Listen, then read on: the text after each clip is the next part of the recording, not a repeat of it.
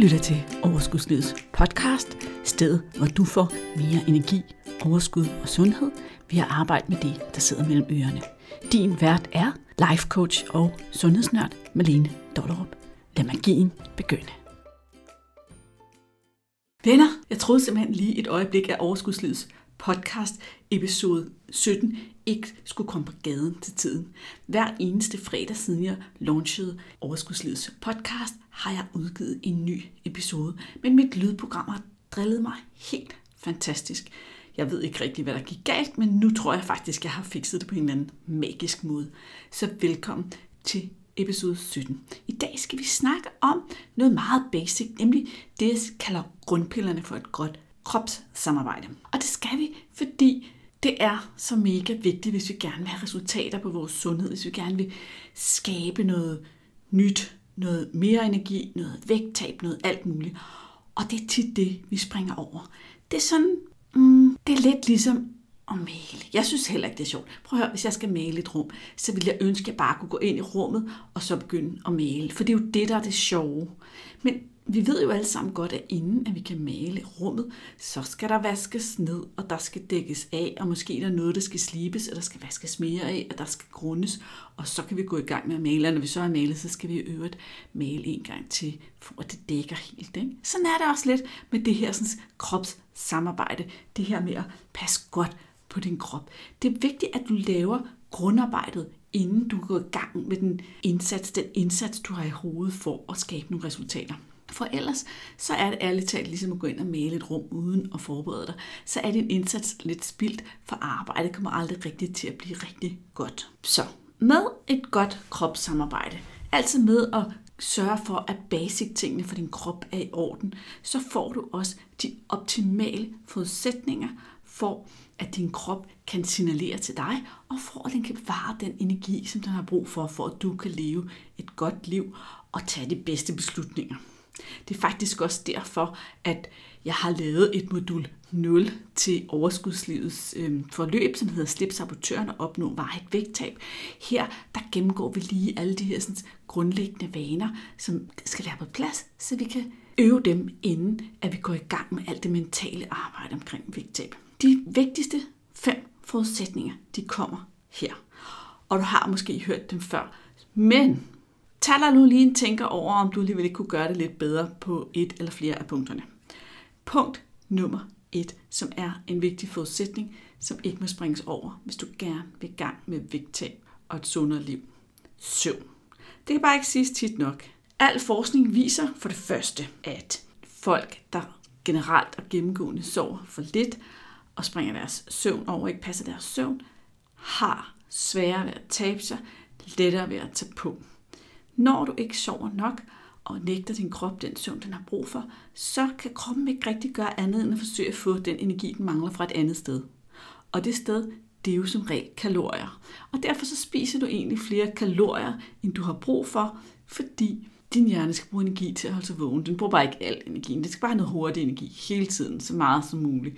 Så det er en rigtig god forudsætning for at gøre det nemt og gøre det rigtigt og få sin søvn. Desuden ved man også fra forskningen, at man simpelthen har en mindre portion af viljestyrke. Det er sværere at bruge sin viljestyrke, når man ikke har sovet nok. Så forudsætning nummer et for et godt kropssamarbejde er at passe sin nattesøvn. Jeg bliver nogle gange spurgt, hvad så hvis jeg ikke kan sove hver nat, eller skal det være hver nat? Og der, der er rigtig mange aspekter af det her. Så det jeg vil sige til dig, det jeg vil opfordre dig til, det er at have det som en prioritet så mange dage som muligt. Og er der en dag eller to, hvor det ikke går så godt, enten fordi du er nødt til at forkorte din nattesøvn, eller fordi du ikke sover godt af en eller anden grund, så fred være med det. Det er mere på den lange bane, altså det, den, den store trend, du skal tænke i. Får jeg sovet nok? Prioriterer jeg at komme i seng, så jeg kan få min søvn, og skal vågne om morgenen og være veludvilet, og ikke være ved at dø, når jeg står op, for at sige det sådan meget pænt. Forudsætning nummer to er lige så nem og simpel. Nemlig det her med at sørge for hver eneste dag og få væske nok. Og igen, så ved vi jo godt det her. Hvis vi ikke får væske nok, så sker der forskellige ting. For det første, så kalder kroppen på den her væske et stykke tid. Og hvis du bliver ved med at ignorere det her signal fra din krop, så på et tidspunkt, så begynder du at forveksle signalet med sult, og så spiser du i stedet for at drikke. Det er jo ret fjollet, kan man sige, hvis man gerne vil tabe sig, og man gerne vil være sundere. Der er også det her med, at det er svært at holde energien oppe, det er svært at holde sig frisk, hvis din krop ikke er dehydreret. Nej, hvis din krop er dehydreret, er det svært. Så væske er på alle mulige, alle mulige måder en vigtig forudsætning. Jeg er fortaler for, at en stor del af den her væske skal være vand. Det er også okay at drikke lidt te og lidt grønt te og lidt friskpresset juice og noget dansk vand og sådan noget. Men lige så snart du begynder på noget, der er sådan vanddrivende, som for eksempel kaffe, eller noget, der er fyldt med sukker, så er du ude på en rutsjetur, vil jeg sige. Sådan en farlig slope. Det er fint nok at drikke noget kaffe, og kaffe giver også lidt væske, men ens hovedvæskebehov skal altså på ingen måde dækkes af kaffe eller te. Forudsætning nummer tre for et godt kropssamarbejde er bevægelse. Og det må du gerne forstå i en ret bred forstand. Din krop er altså skabt til at bevæge sig hver dag og ret meget. Det vil sige, både den her sådan, bevægelse, som du anser for motion, det her med at lave noget aktivt og fysisk, bevidst med sin krop, med at gå ned i et center, eller gå til et eller andet, eller træne et eller andet derhjemme, eller løbe en tur, men også den her sådan set hverdagsmæssige bevægelse med at få gået og stået og brugt sig selv og ikke sidde ned på en stol hele tiden. Det er rigtig skidt for vores krop at sidde på en stol hele tiden. Så har du for eksempel et ret stillesiddende job, så prøv at få indlagt nogle rutiner, hvor du får rejst dig op og gå en tur rundt i bygningen, eller op og ned ad trappen, eller hvad du nu kan finde på. Jeg plejer også at sige, at der er rigtig mange små, simple hacks. Der er altid det her hacks med at aldrig tage elevatoren og altid tage trapperne op og ned. Og nogle gange så, dengang jeg arbejdede op på rådhuset, så kunne jeg finde på at rejse mig op fra min stol og tage trapperne op og ned. Ikke fordi jeg skulle noget, men bare fordi jeg lige trængte til at få pulsen op. Der er også noget helt simpelt noget, som at parkere længst væk fra indgangsdøren til der, hvor du nu skal ind, hver eneste gang du parkerer din bil. Der er som regel god plads derovre længst væk fra døren, for alle de slås om at holde tættest på indgangsdøren, så de skal gå kortest muligt.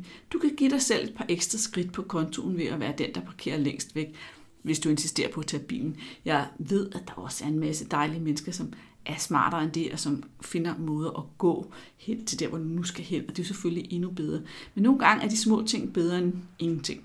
Forudsætning nummer 4 for et godt kropssamarbejde er pauser. Og her er der tit mange, der er en lille smule udfordret faktisk. Fordi når jeg siger pauser, så er det ikke sådan noget med, nu skal jeg have pause fra verden, nu sidder jeg og glor ind i min skærm, tjekker Facebook, tjekker mails, tjekker alt muligt på en skærm. Det er faktisk ikke en rigtig pause, for hjernen får ikke en pause. Og din hjerne, som bliver udsat for et utroligt bombardement af informationer og stillingtagen i løbet af en dag på en helt ekstrem måde, som vores menneskehedens historie aldrig har prøvet før, har brug for en rigtig pause. Ikke en skærmpause.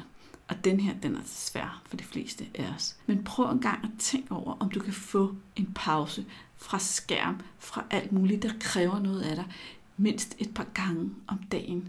Sådan, at du ikke er nødt til for det, til sidst at ende med at spise eller drikke noget, bare for at tillade dig selv at holde den her pause.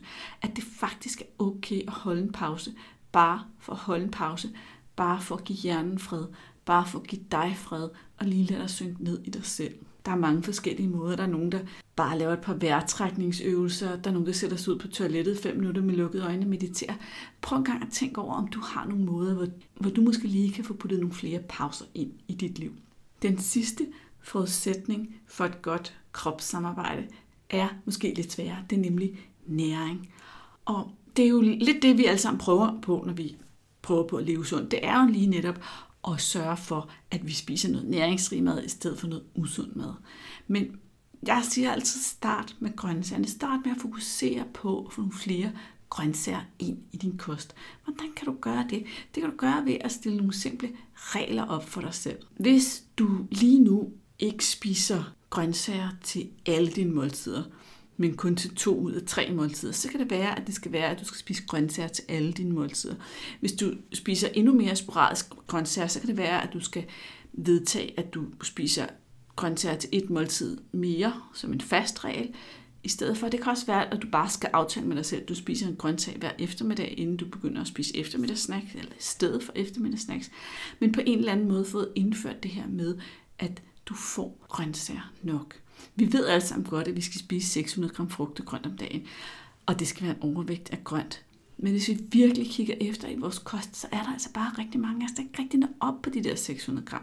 Og hvis vi når op deroppe i nærheden af, så bliver det rigtig meget ved hjælp af frugt. Og det her med at nære sin krop, det er fint, at du skal ikke undgå frugt eller noget. Du skal bare vide, at der er altså også brug for, at der kommer nogle grøntsager på tallerkenen.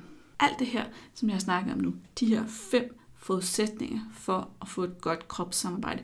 De fem forudsætninger for, at du kan begynde at lære at lytte til dine kropssignaler og forstå dine kropssignaler uden alt for meget forvirring. Og din krop kan hjælpe dig med at fungere bedst muligt og skabe de forudsætninger, der skal til for, at du kan begynde at for eksempel tabe vægt og få noget mere energi og overskud i din hverdag.